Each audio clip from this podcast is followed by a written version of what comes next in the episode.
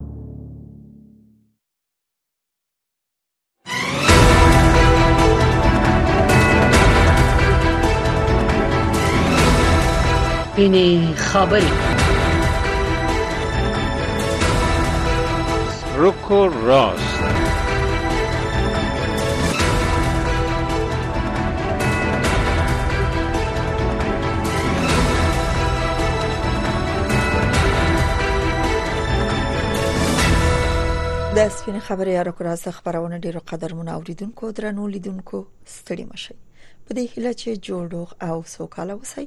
زه نو شباش ناز ما قدرمن همکار رویا زبانی د روان خبرونه کوربنی یو په روان خبرونه کې بیا هم د افغانستان په تړاو په مهمه موضوع د ملمنو نظر اخلو افغانستان لپاره د اروپאי ټولنې ځانګړی استاد توماس نکلسن وایي چې په افغانستان کې د 15 کلونو د جګړې وروسته له گاونډوي هیوادونو سره دغه هیواد خې اړیکې ډېرې اړینې دي بله شنونده های محترم با تقدیم سلام همچنان آقای نیکلسن نماینده ویژه اتحادیه اروپا برای افغانستان گفته که روند به رهبری ملل متحد بر افغانستان باید مکمل فرمت های منطقه‌ای باشد دا په داسې حال کې ده چې البته تر د نورو پښتنو ترڅنګ دا پښتنه به هم درانه ملمانه په خبرونه کې جواب کې چې آیا د سیمې هیوادونه د طالبانو د حکومت سره د تعامل په برخه کې د اړیکو لپاره یو ګډ تعریف لري ولې اروپאי ټولنه د طالبانو سره پر اړیکو ټینګار کوي دا او نور ورته پوښتنه ملمانه جوابی بله خب این سوالات است که با مهمانای برنامه مطرح میشه اما نخست است که ما بپردازیم به این بخش برنامه میخواهیم که شما را دعوت میکنیم به شنیدن مشروع خبرهای این ساعت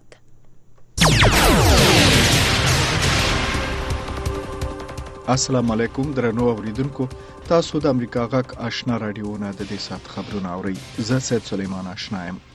د افغانستان د پاره د اروپאי اتحادیه استاذي توماس نکلاسن وی د افغانستان پر راتلونکي او تیر وخت باید خبري وشي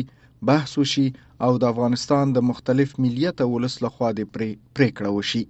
دغه اروپאי استاذي په ایکس پاڼه لیکلي نور هیوادونه او سازمانونه د خپل ټول توان سره باید ملاتړي اوسي د استاذي نکلاسن په وینا د خبرو په میز باید ډیر افغانان ګډون ولري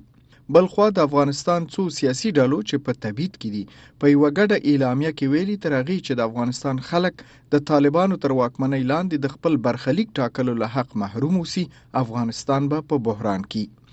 یا د اعلامیه کې ویل شوی ک نړیواله ټولنه یا د مسلې ته جدي پاملرنه ونکي نو ټوله هڅې به یې ضایع شي دوی وی د ملګرو ملتونو په ملاتړ د دوحې د غونډو په څیر مجلسونو کې باید د افغانستان د ټولو سیاسي جهاتونو استازو ته هم د ګډون بلنه ورکړل شي په غزنی کې طالبانو دوه تنه په عام محضر کې اعدام کړي دي د طالبانو د حکومت سترې محکمې په یو خبرپاڼه کې ویلي چې د دغه محکمې د پریکړې او د طالبانو د مشر مولا هیبت الله خنزاده د تایید وروسته یې د پنځشنبه په ورځ چې د کب درېیمه و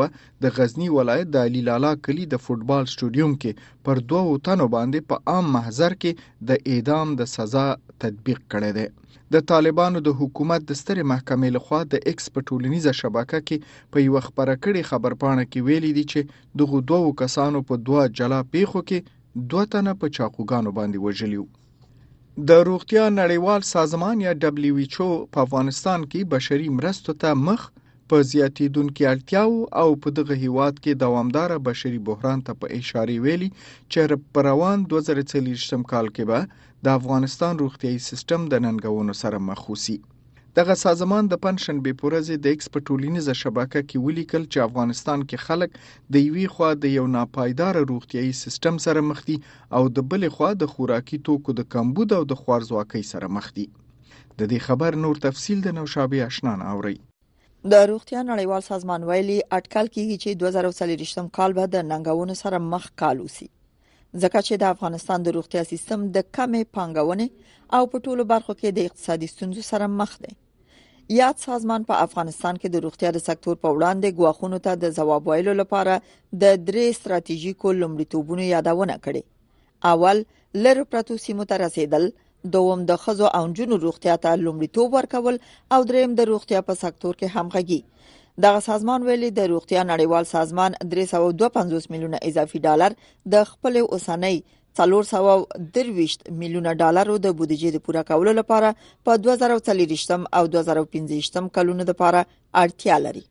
نوشابه آشنا امریکا غږ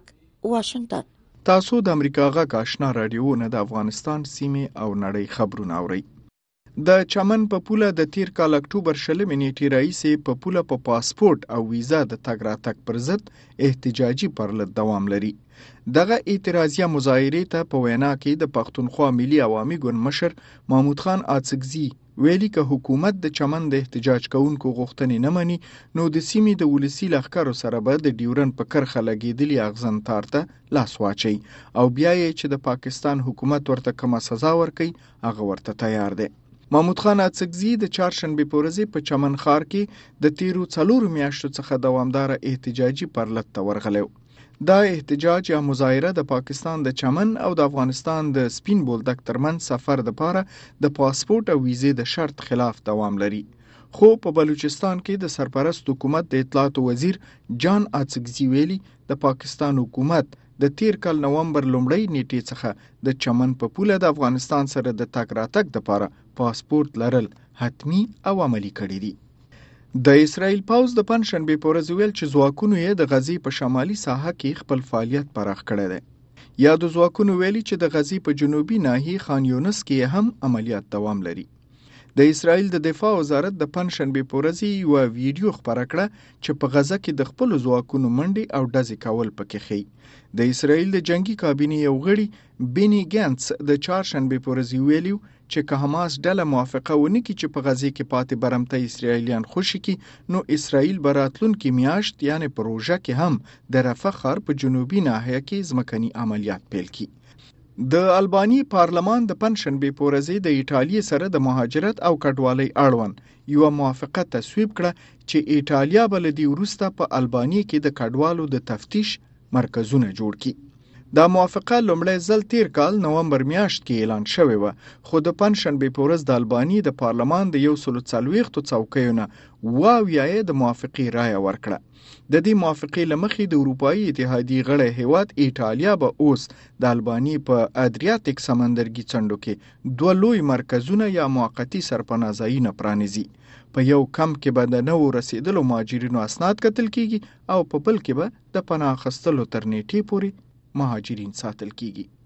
او د جرمني د لویدیز ښار او پرتال په یو ښوونځي کې د پنځشنبې پوره څو ماشومان په چاقو وهل شوي دي پولیسو ویلي چې یو تن یې د دې برید په تړاو نیولی دی خو د نیول شوي کس هویت نه دی څرګند شوی ځایي رسنیو د امنیتي چارواکو له قوله ویلي چې برید کوونکی د همدې ښوونځي یو زده کوونکی دی د و پرتال پولیسو په ایکس ټولنیزه شبکه کې لیکلي چې ډیر شمیر پولیس د پیښې په ځای کې دي او د ښوونځي ماشومان ټپیان شوي دي سمدستي د ټپي شوو زده کوونکو شمیر نه دی څرګند شوی خو پولیسو سیمه ییزو رسنیو ته ویلي چې د ګوتو پشمار زده کوونکي ټپیان دي دا و د دې سات خبرونه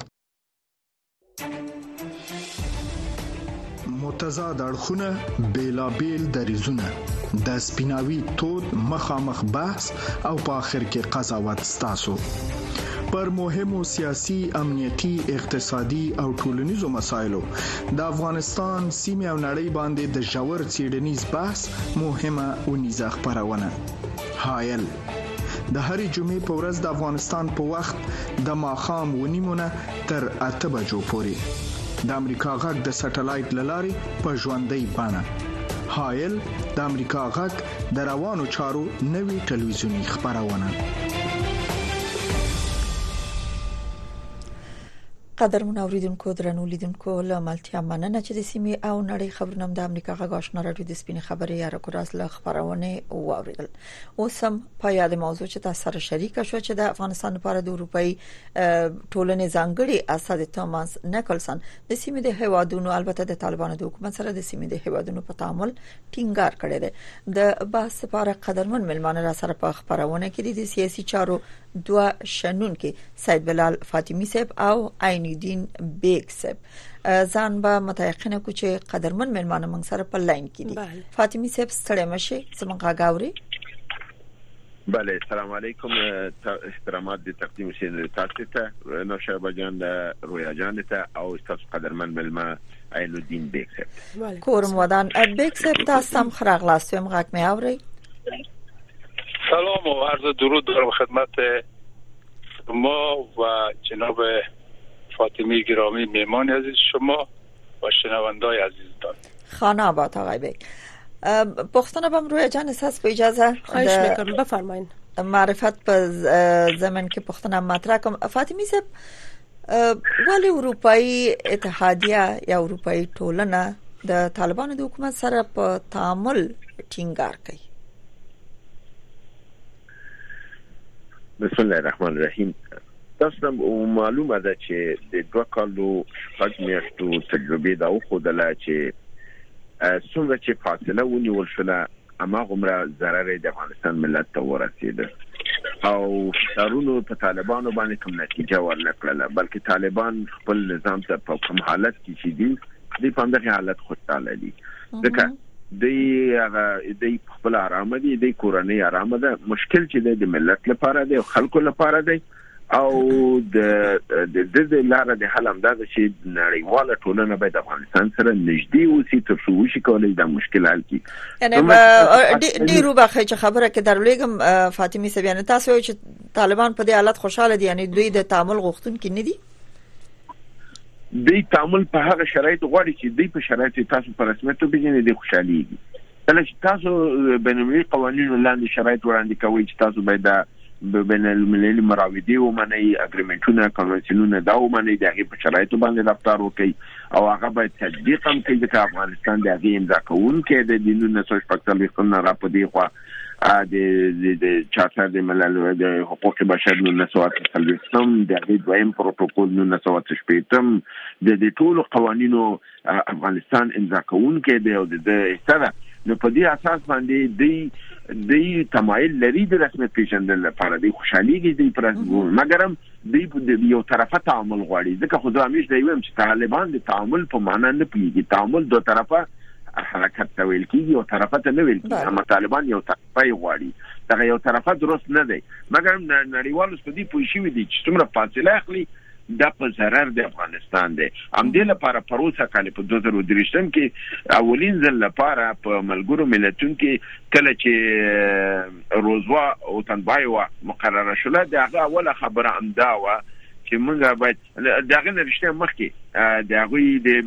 د ملګرو ملتونو د منشي معاونه هغه خانم محمدي هغه دا خبره وکړه چې لری کېدل په zarar دي خدای د بیا د عکس العملونو سره به چاره مخامخ شول بیا خاموش شول خو دا هغه دا نظر چې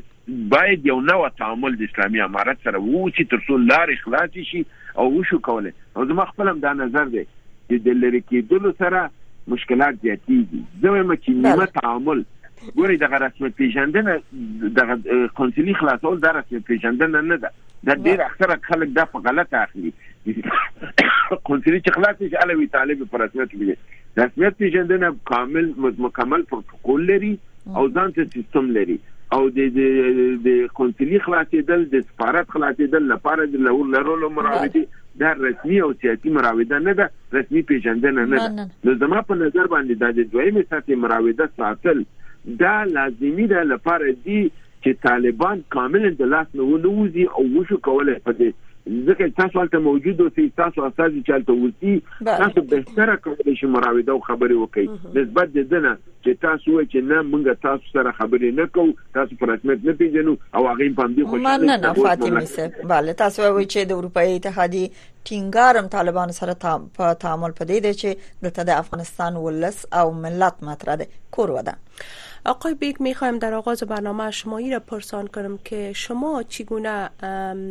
سخنان و اظهارات آقای نکلسن در با توجه به نشست دوها و ختم نشست دوها چگونه بررسی میکنن که اونا چی میخواین اتحادی اروپا چی میخواین از طالبا عرض درود و سلام مجدد خدمت همه بزرگوارا و عزیزان در مورد سخنهای نیکولاسن باید اینطور عرض بکنم که گپ بسیار مهم و اساسی را اشاره کردند اونا بله. فرمت منطقی را مطرح کردند در حل مسئله افغانستان بسیار گپ مهم است کشورهایی که در اطراف کشور ما حضور دارند متاسفانه در تمام سالهای گذشته اینا دخالت مستقیم داشتن و یا یک جنگای شان در افغانستان اینا انجام دادند حالا شما رقابت ایران و عربستان سعودی را به شدت در افغانستان دیدید رقابت هند و پاکستان را به شدت شما مشاهده کردید تا همین حالا هم روان است که ادامه دارد و همچنان روس ها در قضیه افغانستان بسیار دخیل هستند و بله. کشورهای آسیای میانه که بریده از اقوام در افغانستان هستند اینا هیچ گاهی نمیتونند که بدون این مسئله در افغانستان نظریات نداشته باشند نماینده اروپا هم به این مسئله اشاره کرده است که حل مسئله افغانستان میتونه که مشکل منطقه‌ای یا یا که در یک فرمت منطقه باید حل شود یعنی اولی که کشورهای منطقه و همسایه افغانستان باید به نتیجه برسند بین خودشان صلح بکنند تا از نیابتی هایشان در افغانستان حمایت نکنند تا بتانه که مردم به صلح پایدار در افغانستان هرگاه که اینا به نتیجه برسن من فکر میکنم مشکل دیگه در افغانستان وجود نداره همین خب آقای بیگ هر کشور منطقه ببخشین شرایط خاص خود از طالبا داره شما میگین که یعنی کشورهای منطقه تا حال نتانستن که روی یک سیاست مشترک یا سیاست خاص به نفع کشور خود برای تعامل با طالبان اونا توافق کنن بین خود کشورهای همسایه مطلبم است دقیق دقیق اگر کشورهای اروپایی هستن یا ایالات متحده امریکا سینا که خیلی دور از افغانستان هستن اما کشورهایی که بسیار نزدیک هستند و تاثیرگذار هستند در افغانستان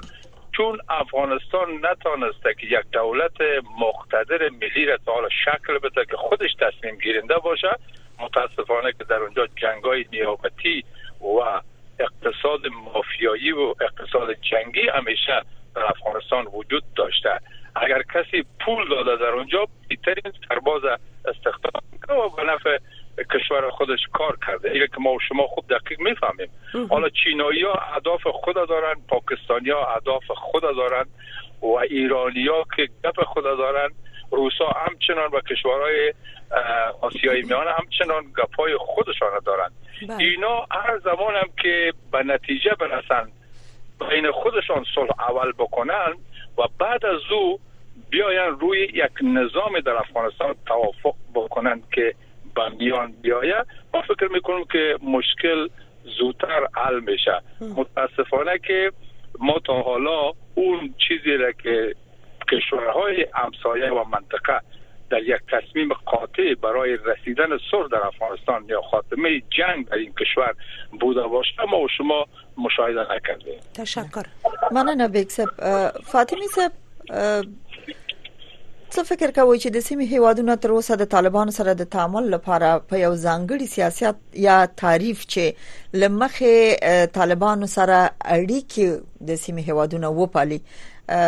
د سیو سیاست دوی غوړه کړی دی یا د سیو ګډ تعریف د اړیکو د پاره یا د اړیکو د پاللو د پاره یا د تعامل د پاره لري ځکه د باسونو نه د سخکاری او د عمل نم د سخکاری چې هر هواد خپل ګټ په افغانستان کې تعریفوي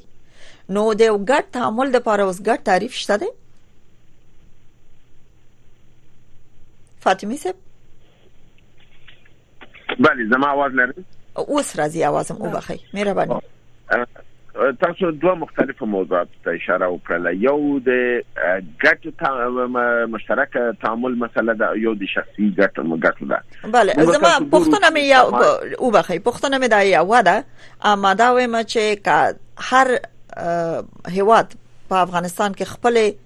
ګټ تعریف کی نو بیا د ګټ تعامل لپاره دوی ګټ تعریف لري ګوري نړۍ کې هر مملکت ځان ته ځانګړي خپل د ګټو لپاره اول کار کوي بیا په کل کې د نړیوالو ګټو لپاره کار کوي امریکا خپل اول خپل ګټې تضمینوي بیا نړیوال ګټو ته فکر کوي همداسې اروپا نو دلته منطقه کې هم دلته پاکستان خپل ګټو ته فکر کوي ایران خپل ګټو ته چین خپل روسي خپل ته مګم په مجموع کې بیا چې کله راځي هغه د انګلیسانو خبره چې کلیکټیو دغه ډیسیژن چې اخلي نیتی هغه کې بیا دوی مجبور دي چې د ځکه جوړ دی ټول یو خل دي چې افغانستان د مونږ خطر دی نو د دې خطر لپاره خو بیا په ځانګړي توګه دوی نشي کولای اقدام وکړي بل ټکی چې مهم دا دی چې متمایل ټول ته متمایل لري چې اسلامي امارت پر رسمیت وپیژني که هغه د منځنۍ اسیا ممالک دي که روسیه ده که چین ده مشکل د امریکې سره دی ځکه د دې ټول مراودات بین المللي قراردادونه د امریکې د بانک د سیستم نه دي په لحاظ دې که هر سرغړونه وکړه هلته د دوی د تعذیرات سره مخ کیږي په لحاظ د همدغه لپاره اوس ګورئ تاسو وګورئ چینایانو اسلامي امارت کاملا نهه نوي فیصده په رسمیت پیژندلی، تمام نورمونه او مراودې د رسمیت پیژندنې تکمیل کړي دي، اسناد د رئیس جمهورانو یعنې افغانستان کې رئیس الوزرا د هغوی د یوه سفیر اسناد ومنل او په چین کې رئیس جمهور د چین د بلال کریمي اسناد ومنل، دا هغه اخري مراحل د دیپلوماتیک لپاره دي، په هغه ورځ باندې چې چینایي چې رئیس جمهور د چین د افغانستان د سفیر اسناد منل، نهه شنور. سفیران هم په دې ورځ باندې اسناد ومنل شو یو پاغي کې د افغانستان په لهدا ګوري کوم مراحل ته کړی مګم اعلان ولې نه دی کړی لپاره دې چې امریکایو نه سوال مو کړ چې آیا تا افغانستان کاملا پر رسمیت پیژندلې ستا موقف څه دی چې نه ورته چې نه مخ پر رسمیت نه دی پیژندلې بیسات سایډ لاین کړل امریکایان کار کړی دی قراردادونه کوي عملا داخل کې افغانستان کې دی مګر هم لپاره دی چې 1200 میلیارډ ډالر په ټول دنیا کې تید کړی دی دغه ټول د سویفټ سیستم د امریکا د سنټرل بانک نه دی نو هغه د خو 12 مل 1200 میلیارډ د افغانستان لپاره نشته ما کوله نو مجبور دی چې دغه مراودې لپاره د ځان نسبتا دغه څوکات کې وټاکي اوس راځو د نیکولای دغه خبرو ته چې دا د سیمه ایز تعامل او تفاهم خبره کوي د سیمایي تمایل او تفاهم خبره لازمی ده او دا دا باید مخکې نه دمه سوزدلی دا ته پیشنهاد طالبانو ته کړی و چې که تاسو غواړئ خپل نظام جوړ کړي او په خپل ودراوي د بین المللي رسمیت پیژندنې پس په دې مګر چې امریکا په 15 اتلس آینده کلونه کې تا پر رسمیت نه پیژني چې تا پر رسمیت نه پیژني ته سیمه ایزه تعامل باندې کار وکړي چې په دې جمله کې د یو اقدام د چنایان سره وکړ د فکر کوم روسان هم دغه یو تمایل ته حاضر دي ایرانیان هم او هندیان هم پاکستانیان په دې نه دي هغه د امریکای په اشاره باندې دي او دا په افغانستان کې کوم جنگ مسله چې دا دا به د کې په اشاره د پاکستان په لار کې او د پاکستان په دې جمله کې نه حسابوم اما د نور ممالک تمایل لري خو دلته موږ څه بحث دی نیکولای په خبرو باندې کوو بله او مهرباني نیکولای کړی دا د دې د خبره نسبتا ماته خطرناک ښکاری دا د سیمایي تعامل خبره نه کوي دی بله خبره کوي، دی وايي چې نړیوال به د افغانستان لپاره د ځانګړي استازي د ټاکلو او د یو نوي جوړښت لپاره، دا ټکی ډېر مهم دی، د یو نوي جوړښت لپاره اړوند د هېوادونو او ښايي لویو هېوادونو څخه یو ګروپ او تر شا یې یو بل لوی ګروپ یو ګروپ او ترشا یو بل لوی ګروپ جوړ کړي او مشورتي دا وکړي تر څو افغانستان په متعلق اقدام وکړي دا ګوري د دنه مسله د تعامل سیاسي بوی نه راځي د دنه د یو د سیاسي نظامی تعامل بوی راځي او دا به صحیح دا به پس معلومیږي خو دا جمله ډیر خطرناکه دي آقای بیگ میخوایم که نظرات شما را در مورد اظهارات آقای فاطمی داشته باشیم اونا میگه که یک اظهارات خطرناکی است و ای که شما از نظام که کشورهای منطقه و همسایه برای ختم جنگ افغانستان یادآور شدن آیا همچی یک نظام مورد قبول طالبا قرار خواد گیره یا خیر فکر می کنم که یک چیز بسیار خوب انتخاب کرده دنیا تعامل تعامل در فارسی داد و ستد فقط معنا میده دیگه معنای بالاتر از اون نداره که در سطح دیپلماتیک چه ارزشی داره تعامل خب. یعنی او مراحل دیگه است که در مراحل رسمیت شناسی بعد از تعامل شما بیرون میشه میری مثلا یک کشور یک نظام به رسمیت میشناسه خب. اینا بسیار خوب انتخاب کردن که گفتن تعامل باید صورت بگیره یک داد و ستد سطحی در هر سفارتخانه هم که طالبان نمایندگیشان باز میشه به خاطر کارهای کنسولی بسیار ضرور است مثلا چین بزرگترین صادرات و واردات بر افغانستان داره خب لازم است که کسی اونجا باشه کار را انجام بده اما من فکر میکنم که طالبان بسیار رای درازه، تا رسیدن به رسمیت شناسی دارند که اینا هیچ گاهی به میارای بین المللی و آنچه که کشورها به او احترام دارند طالبان احترام نکردند همیشه سرکشی کردم و ما و شما میبینیم که اگر قطار بکنیم یک مشکل دو مشکل سه مشکل چندین مشکل وجود داره که تا زمانی که حتی کشورهای منطقه طالبان به رسمیت بشناسند و کشورهای منطقه و کشورهای دور افغانستان افغانستان به مانند یک بم ساعتی و یا سادتر بگویم به مانند یک بم دستی میبینند که پنش کشیدگی است خب. معلوم نیست که این پن کشیده شده در کجا پرتاب میشه و چی گونه پرتاب میشه و چه غمی را در کجا به میان می آورد به همین ترتیب کشورهای منطقه و کشورهای دیگر نگاهشان به افغانستان همین گونه است اما شما تجمع تروریست های بین المللی در افغانستان میبینید چگونه وجود دارند و طالبان هم که یک نظام مثلا اردوی منظم ملی وجود نداره فقط اینا آمدن در فرقه ها هر کس افراد خود آورده ملافلانی مثلا 5000 نفر ملافلانی پنجصد نفر فرقه و و کندکا را پر کردن سلاح را گرفتن یک اردویه که اطمینان منطقه نسبت به او باشه و اطمینان کشورهای دیگر باشه که اینا در پرنسیب های بین المللی عمل میکنند متاسفانه در افغانستان وجود نداره تمام کشورها نگاهشان به افغانستان یک نگاه اونمو تعامل است فقط یک داد و ستود سطحی است که اینا چطور بتانن یک روابطی را با اینا نگاه بکنند اما عمق مسئله بر رسمیت شناسی که طالبان را بر رسمیت بشناسند همه ایشان بسیار واضح و روشن اظهار کردن کشورهای منطقه که نظام همه شمول به معنای عزیز که همگی باید در اونجا اشتراک داشته باشد توسط انتخابات و نظام تعیین شود و مسئولین نظام تعیین شوند و عزل شوند پس دوباره انتخاب شوند بله. مردم وارد یک پروسه خب، شوند خب آقای بیگ بله بار بار جامعه جهانی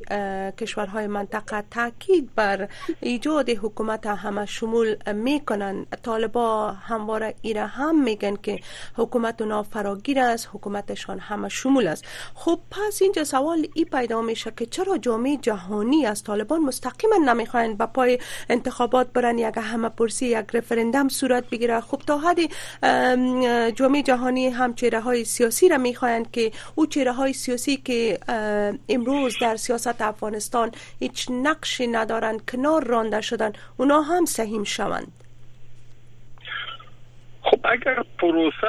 ببینید شما اگر پروسه به خاطر جهاد بوده که جهاد ختم شده در افغانستان وجود نداره ملا صاحبا باید بیان پروسه را مردم بسپارند دیگه اینا اگر با قدرت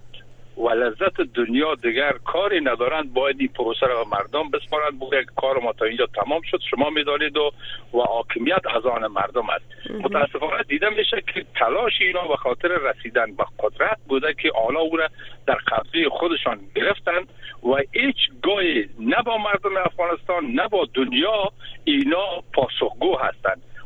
خودشان تعریف میکنند همه شمول هستند یک تا ازبک مثلا حضور داره یک چند تا تاجیک حضور داره در اونجا بله. از آره که هیچ حضور نداره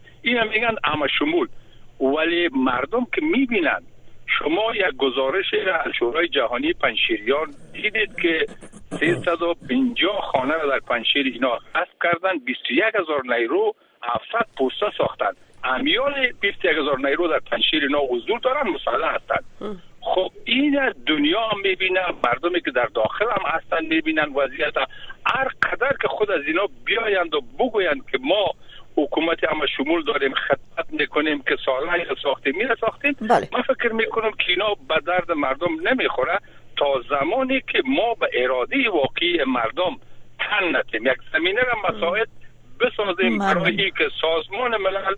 بیایا اقتدار یا ای که صلاحیت به دست بگیره در افغانستان یک نظام طرح بکنه بین کل مردم نخبه ها جمع شوند تا بتانند که یک نظامی را بسازند زیر نظر سازمان ملل همگی در او اشتراک بکنن بله. طالب هم باشه و غیر طالب هم باشه ملا باشه گی باشه این میتونه یک راه حل باشه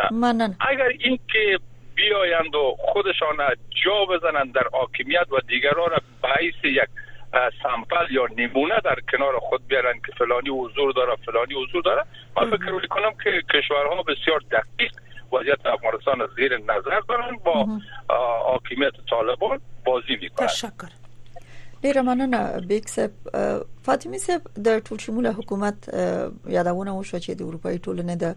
استازي په شمول د امریکا نور هیوادونه همیشه د افغانستان په تړاو په باسونو کې د ټول شموله حکومت ټینګار کوي پر ځال کې چې طالبان وایي چې زموږ حکومت ټول شمول دی او شرایط د حکومت ولې برابر دي اما د تفسیرو لپاره چې مبصرین دغه ټول شموله حکومت یا ول خو د افغانستان لپاره ټول شموله حکومت یو ګټ تعریف چې نړۍ ټول شموله حکومت د خپل نظر نه د دیدګانه څنګه تعریفي او افغانان او سیاسيون په خپل منځ کې ګټ شمو د ټول شموله حکومت څنګه تعریفي د یو ګټ تعریف د نړۍ د سیمه او د افغانستان ترمنځ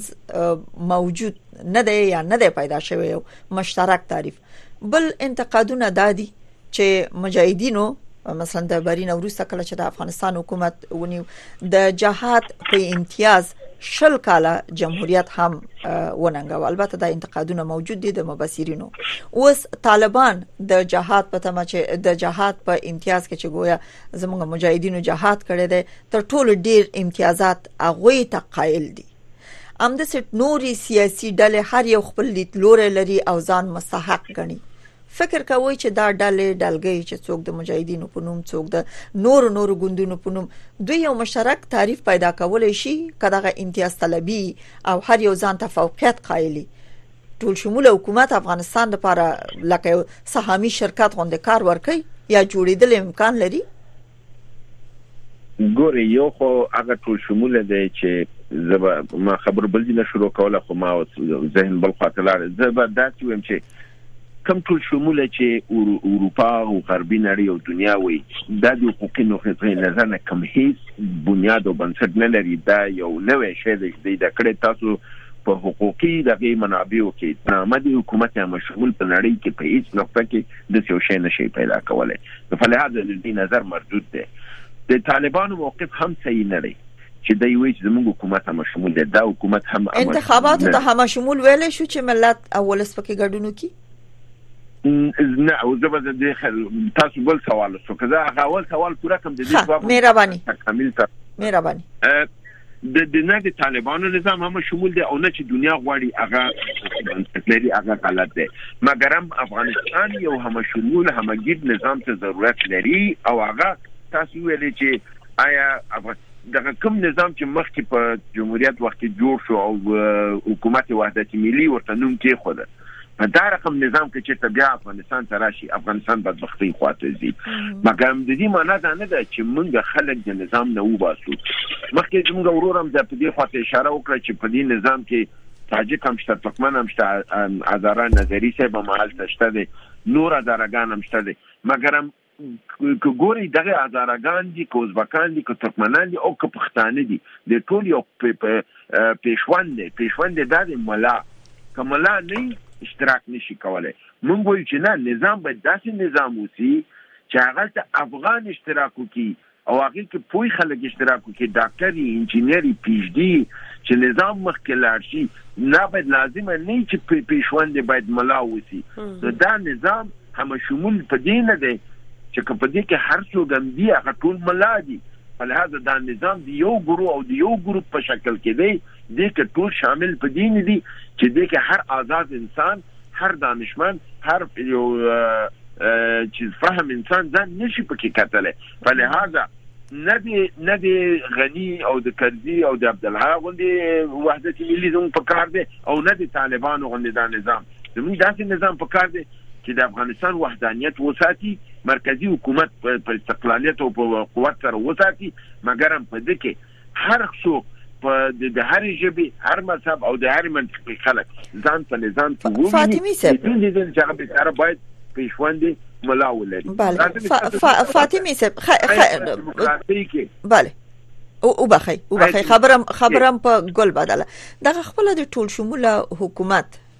چې سهمیه د دې ته ورکړل شي هر قوم خپایت خپل چیرې پکې وګوري هر سیاسي ډله ټپله باید خپل چیرې پکې وګوري فکر نه کوي چې دا د یو افغان پونم راټولیدل دغه ماهیت او اصلیت په خپل د منځوړي شایسته سالری د منځوړي هر څوک به خپل سهمیه اخلي لکه یو شرکت کې چې څوک ګډون کوي ټینګار په دې دی باندې ټول شموله ما فکر نه کوي عقوبت د سکیږي نه ګورې مونږه سهمی والا را دو کنه مونږ نه وایو چې فرزن دا د هزارګانو سهمی ده او هزاره یو بی سواد لکه د مخکې تاسو مثال د مجاهدینو ورکه سهمی اخیستلې د د هر د د شیرزوی ځان ته سهمیه او د زایر قدیر د زوی ځان ته سهمیه او د اسماعیل خان ځان ته سهمیه دا غلط ده منګوی د هر قوم نه راوله په اساس د اهلیت او علم راوله په پی پاداره ګانو کې هم دا اوس دونه پی ایچ ډي ډاکټران دي چې په هیڅ بل قوم کې نشته دی باید په اساس قومي مه راوله په اساس د فهم دانش راوله په ازبکو کې شته دی په تاجکو کې شته دی په پښتنو کې شته بیا هغه کې په هغه صورت کې بیا دا په دغه نه راځي دا صحنه چې دا دا غلط کار دی صحنه د چې نظام ولکه ځکه صحنه کې فرزند سیاف به ویلي په دې کې زما 15 والیان درې سفیران پنځه وزیران دي نو هغه به خدای وکړي چې خپل مزدور به راوسته خپل ډریور به او دغه مجاهد چې وزیر داخله و دا جاهد چې احمد شاه مسعود باډیګارد نو تا وګورئ هغه دریم صنف پورې مکتب ویلی و نو هغه راوست ځکه صحنه کې و دې ته چا نه کتل چون دا د احمد شاه مسعود باډیګارد و او د جهاد کړو هغه تعلیمي دلوده کنه دلوده راوست وزیر داخله کړ اول ورځو کې څو لکه بیره پټرول خرڅ کړل دا رنګ دا یو مثال ما تاسو درکړ دا رنګ اری وکړي په شخص و باس نه کو په شاو عمومي غږیږو فاطمی سه په شخص و باس نه کو مننه تاسو نه بیرته تاسو نور پښتنو ته راګرځو مهرباني ګویا جان آقای بیگ از سهمیه آقای فاطمی یاد کردن در سیاست آیا شما فکر میکنین که اگر دوباره خب به نوع سخنهایی از ایجاد یک حکومت همه شمول به میان بیاید در گذشته اختلافات زیادی قسم که آقای فاطمی بود که هر کس سهمی خود به می گرفت و هر کس به جایی که می خواستن او را انتخاب استخدام کنن شما چی فکر میکنین که همچون یک چیز دوباره اگر ایجاد حکومت همه شمول شوه اما مشکل گذشته دوباره تکرار نمیشه به نظرتان؟ آقای فاطمی یک موضوع بسیار خوب اشاره کردن که افغانستان به حکومت همه شمول نیاز داره بلایی که دنیا خوب پور معرفی میکنه یا که عنوان میکنه اما ای که در سرزمین به نام افغانستان کشوری با تنوع قومی زبانی مذهبی چی گونه یک نظام میتونه که در اینجا اداره بکنه یا مردم از او راضی باشند باید در پای اون باید بود متاسفانه که هنوز اونمو دردی دیره که اینمی کشور داره نسخه برایش ارائه نشده هر کس به زعم خودش هر چیزی را خواسته یا قومی که خواسته که بیایه و حاکمیت مرکزی را در دست داشته باشد دیگر را به بهره بسازه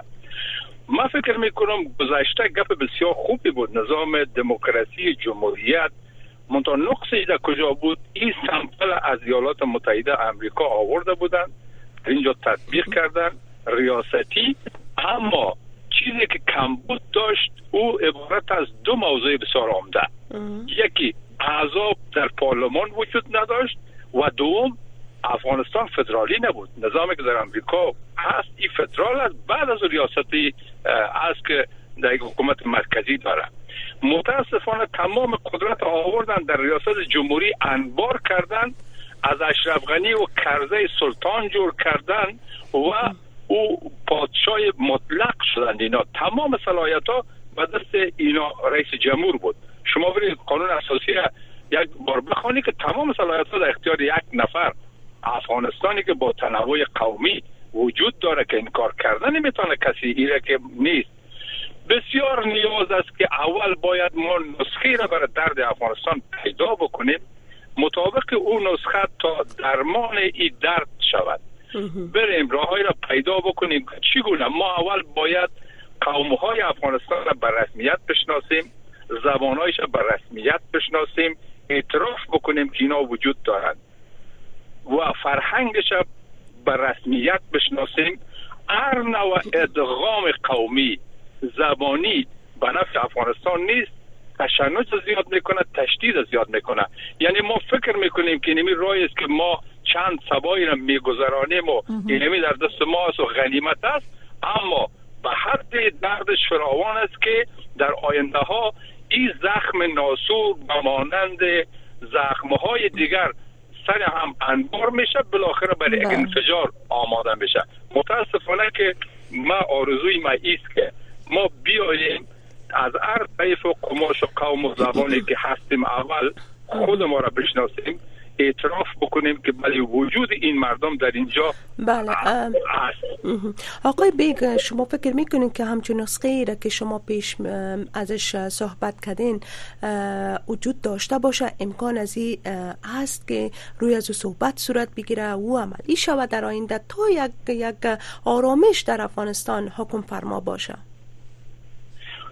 تا زمانی که ما ببین کشورهای دیگه چطور آمدن خودشان مشکلشان حل بکنن همین همسایه شما پاکستان پاکستان نظام فدرالی است زبانش اردو است سرود ملیش فارسی است این ببینید چقدر نامش پاکستان است پنجابستان نیست اینا آمدن خودشان را بازسازی کردن و هیچ تمام قناعت پاکستانی ها در او فراهم است پشتون ها یک حاکمیت جداگانه دارن بعد پاکستان هستن پنجابی ها همچنان خویی که مشکلات در بین خودشان هست و اقتدار میان در دست میگیرن ولی زمینه زمینه ساخته شده که کسی نمیتونه مخالفت علیه نظام بکنه متاسفانه در افغانستان ما چینی چیزی را نداریم هر کشور مطابق تنوع اجتماعی خودش نظامی را ساخته خب. مثلا شما سوئیس هم میبینید مثلا در اروپا میبینید در آمریکا در تمام کشورها یک جا فدرال است یک جا نظام ریاستی است یک جا پارلمانی است اینا به خاطر عزیز که اونا تشخیص دادن که یعنی ملتی که در اینجا زندگی میکنه اول ملت سازی شدن بعد از توافق کردن بیگ صاحب ډیر وخی بیگ صاحب بیگ صاحب د خبرونه ورسته شي بي د بحث راټوله خو ما ته یو لند جواب راکړي د ملت سازي په برخه کې فکر کوي تاسو پاکستان مثال ورک دا یو ښه مثال دی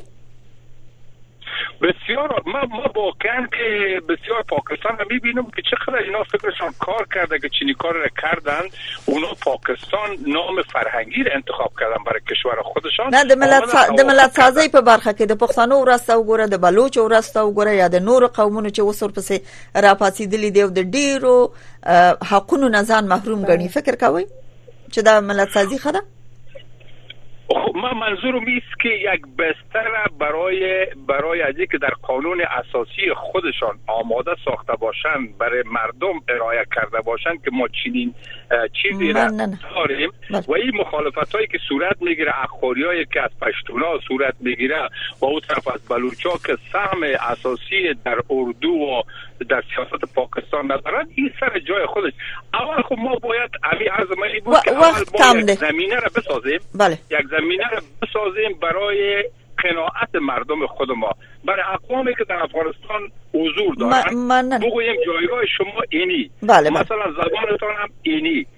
و اهدافتان هم اینمی شما دیگه از این بالاتر چی میخواهید بله با مننه بیگ صاحب وقت دیر کم ده کردن و یا یک ترکشی کردن خب میتونه که نظام مرکزی ملی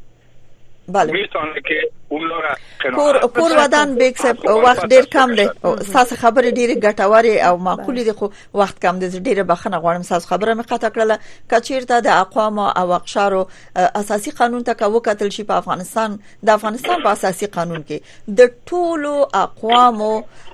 او قومونو د ټولو حقوق حفظ دي اما دا چې قانون څونه حکمیت لري څونه عملی کیږي به دا جدا ده اما د پاکستان په قانون کې شاید پښتنو ته هغه څه صراحه نه ویل شوی لکه د پنجاب یا نور سیمو لپاره دغه قانون جدا او زمونږ د بهر صورت د خبرونه ورسته شي بيري فقط شپږ دقیقې وخت لرو چې باس راټول کو فاطمی صاحب د اروپאי ټولنې اساسي یوې خبرې ته اشاره کړې ډېر لاند جواب غواړم ځکه بل پښتنه به لرم وایي چې د ملګرو ملتونو په مشرۍ یو پروسه باید د سیمې د فارمټونو تکمیلون کی نه ځای ناشته دا اشاره څه شته دا ځکه چې لاند په لاند د دوه غونډه د ملګرو ملتونو په مشرۍ پای ته ورسیده د باندې زه نه پیږم چې دا ځای ناس ته ځای دا څه شي وي چې هدف یې څه دی چې هم غواړي چې باید دغه یو کمیټه او پروسه ورته جوړه کړي او هم وي چې ځای ناس ته نه ځای ناس نه ډیر مطالب اخیستل کېدلی شي ځکه چې ځای ناس ته همغه په 1980 کې د جنیو د کانفرنس نه بعد مولید ځای ناس ته هم په 1990 کې مولید ځای ناس ته په 2001 د بن په کانفرنس کې مونږ ولید ټول ناکام ها یعنی تاسو په نظر دغه مسله ګونګه د رازم بل پښتنه ته چې د خبرونو دوسي شي بي د بیگ صاحب نظر مخلو په اخره کې د اروپאי ټولنې استاذي د افغانستان په تړه ویل دي چې د افغانستان په تړه هر خبره چې کیږي باید په مجلسونو کې ډیرو افغانانو ته برخه ورکړل شي د مختلفو اقشارو خلک باید کټګوري خلک باید یو ډیر افغانانو ته برخه ورکړ شي د دوه غونډه منګو لیدل چې د ټو مدني ټولنې څلور کسان ورغلي و ما طالبانو د ورتک نه ډډه وکړه په داسې یو حالت کې څنګه کې دي شي چې طالبان او نړۍ یو تعامل ته ورسیږي کله چې په یو میز خبرو د پاره نه راټولېږي نو ساس نظر اخلو فقط دوه دقیقې ساس نظر ته وخت لرو فاطمی صاحب ګورې زه دا وایم چې کنړی غواړي چې مسله حل کړي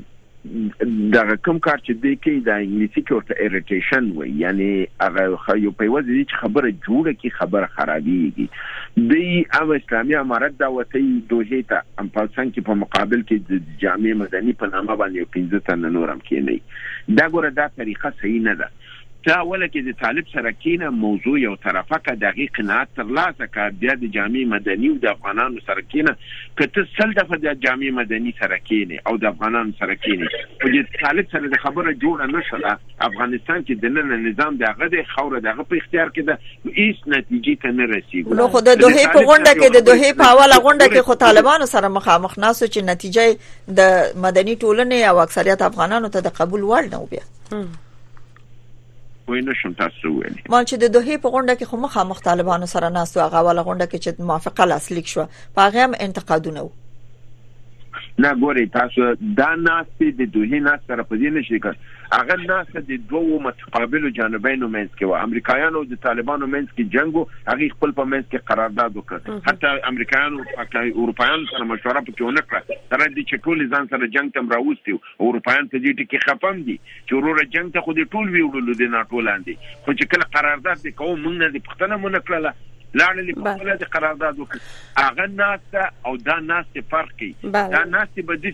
چې تر طالبان سره یو ځلې خبره نتیجې ته ورسېدلې تفاهم تر وک او خبره د تعامل خواته راغله په هغه وخت کې بیا تاسو کولای شئ چې افغانانو سره خبرې وکړئ، پوهان راټول کړئ، د افغانستان په حساب سرشناسه خلک چې په نړۍ کې دي هغوی سره خبرې وشي، بیا هغوی ته ځکه چې تاسو به خبره جوړه شوي وي په افغانستان کې، بیا کولای شئ شخصیتونه معرفي کړئ، نظام کې داخل کړئ، چې تاسو خبره جوړه نه وي. نظام دقیق لست بله. تشکر آقای فاطمی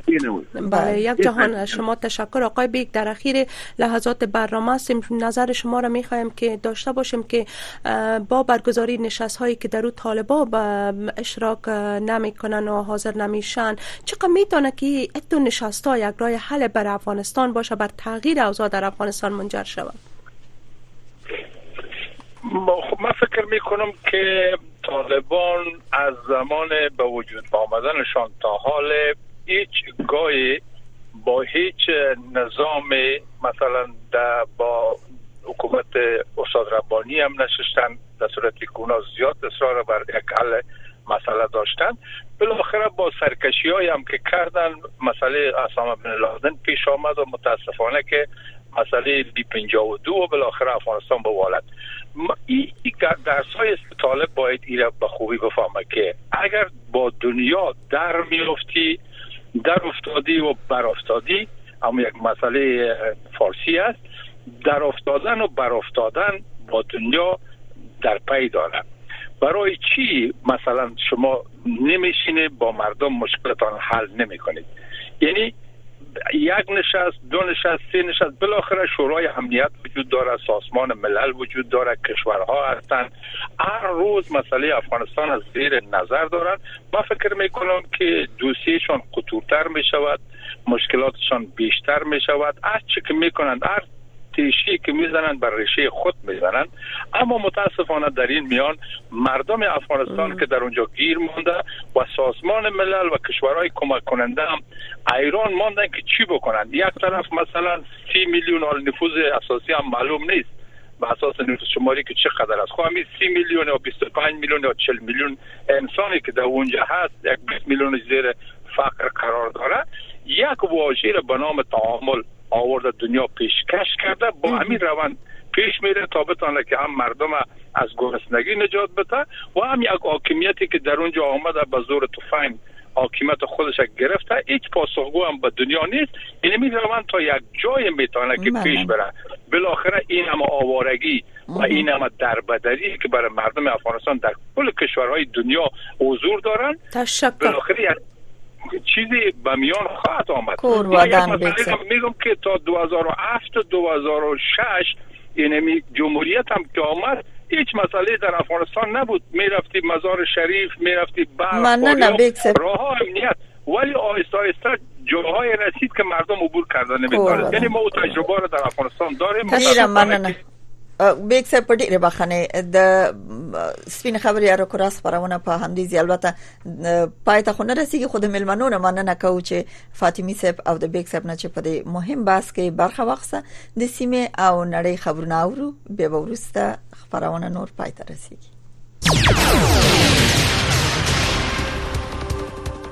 شنونده های عزیز سلام نیروایس رحمانی هستم با تقدیم خبرهای برنامه این ساعت توماس نیکلاسن نماینده ویژه اتحادیه اروپا برای افغانستان میگوید که یک روند درباره افغانستان به رهبری ملل متحد باید مکمل های منطقه‌ای باشد و نه جایگزین آن او که از نشست دوها روز گذشته به اروپا برگشت در رشته های در اکس نگاشته که پس از 45 سال جنگ در افغانستان روابط خوب با همسایگان آن ضروری است همچنان توماس نکلاسن آینده افغانستان و نحوه برخورد با گذشته این کشور را مسئولیت ها دانسته و افزوده که باید های بیشتر در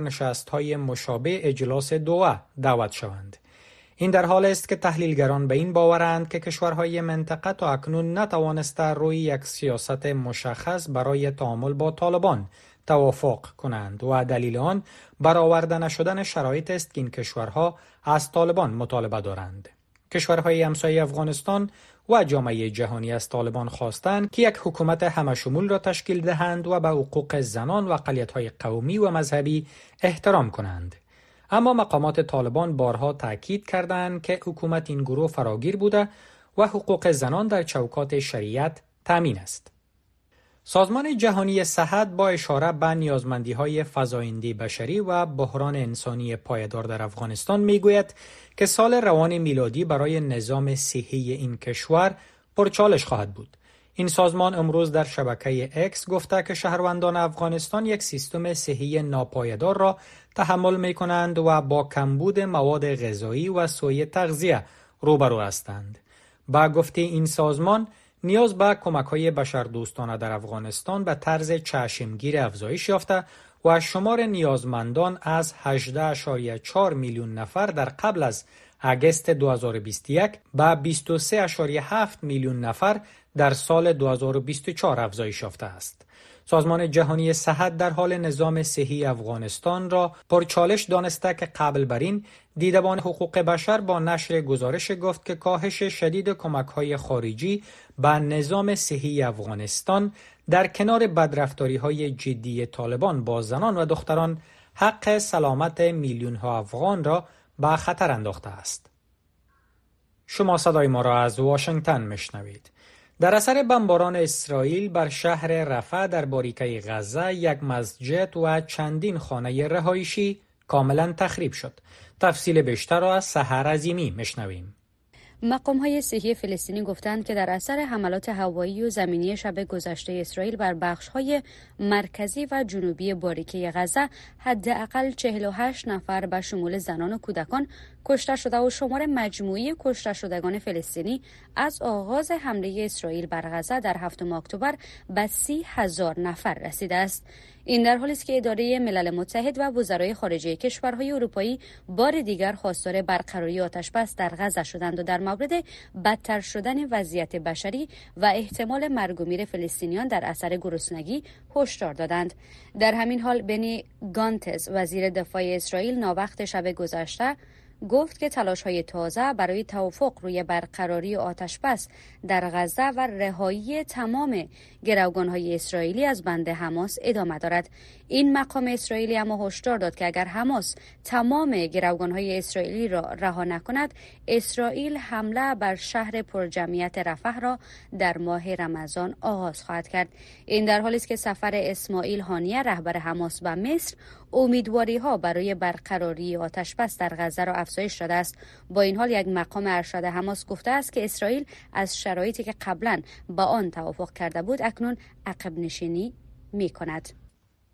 شبکه اجتماعی اکس که قبلا نام آن تویتر بود برای ششمین روز در پاکستان مختل باقی ماند. اختلال و قطع دسترسی به شبکه اکس پس از آن آغاز شد که حزب تحریک انصاف پاکستان به رهبری امران خان صدر پیشین این کشور که اکنون در حبس به سر میبرد خواستار مظاهره اعضایش در اعتراض به نتایج انتخابات اخیر پارلمانی شد حزب تحریک انصاف پاکستان ادعا دارد که این انتخابات با تقلب همراه بود و مقامهای پاکستانی جلو برنده شدن نامزدان این حزب را در انتخابات دو هفته پیش گرفتند ادعایی که کمیسیون انتخابات پاکستان آن را رد کرده است این حزب امروز گفت که قطع دسترسی با شبکه اکس به دلیل سرکوب صدا و اعتراضات اعضای حزب تحریک انصاف اعمال شده است. اداره مخابرات پاکستان تا اکنون در مورد دلیل قطع دسترسی به شبکه اکس و های حزب تحریک انصاف چیز نگفته است. برازیل با انتقاد از ناتوانی سازمان ملل متحد و سایر سازمانهای بین المللی در جلوگیری از منازعات جهانی خواستار آوردن اصلاحات در سازمان ملل متحد و سایر نهادهای بین المللی شد. جزیات بیشتر را احد عزیززاده تقدیم می کند.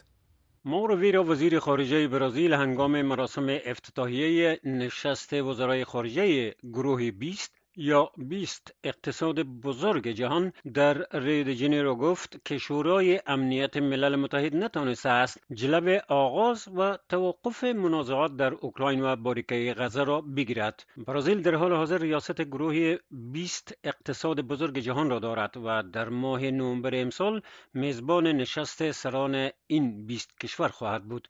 یکی از خواسته های اصلی رئیس جمهور برازیل در نشست سران گروه 20 آوردن اصلاحات در ملل متحد، سازمان تجارت جهانی و سایر نهادهای بین المللی است. او گفته است که کشورهای رو به توسعه باید حضور بیشتر و قدرتمندتر در سازمان ها داشته باشند و کشورهای بیشتر باید از افریقا، امریکای لاتین و همچنان هند آلمان و ژاپن عضویت دائمی شورای امنیت ملل متحد را کسب کنند پارلمان البانیا امروز توافقنامه نگهداری پناهجویان را که وارد ایتالیا می شوند تصویب کرد. بر اساس این توافقنامه که در ماه نوامبر سال گذشته بین ایدی راما، صدر البانیا و جورجیا ملونی همتای ایتالیایی وی امضا شد قرار است البانیا سالانه حدود 36 هزار پناهجویی را نگهداری کند که ایتالیا از آبهای بین المللی آنان را نجات می دهد. البانیا عضو اتحادیه اروپا نیست و توافقنامه ارسال پناهجویان از ایتالیا به البانیا انتقاد تند گروه های حامی حقوق بشر را برانگیخته است بر اساس توافقنامه‌ای که امروز پارلمان البانیان را تصویب کرد پناهجویان در مراکزی که به مصرف ایتالیا در البانیا ساخته می شود تا تکمیل روند اعطای پناهندگیشان در البانیا نگهداری می شوند. پناهجویان در صورت اعطای پناهندگی به ایتالیا انتقال داده می شوند و در صورت رد درخواست پناهندگی به مصرف ایتالیا از البانیا رد مرز خواهند شد پایان خبرنامه درنو اوریدونکو د سیمه او نړۍ خبرونه واوریدل د روکراسي سپین خبرې خبرونه هم په بله. همدیزی پای ته رسیدگی لاملتیا مو مننه شپې ورځې نیک مرغه بله شنونده های محترم نظراتی که در این برنامه ایراد شد گفته شد نظر مهمان های برنامه از موقف صدای امریکا را منعکس نمی سازه برنامه های رادیو آشنا صدای امریکا همچنان ادامه دارد با ما باشین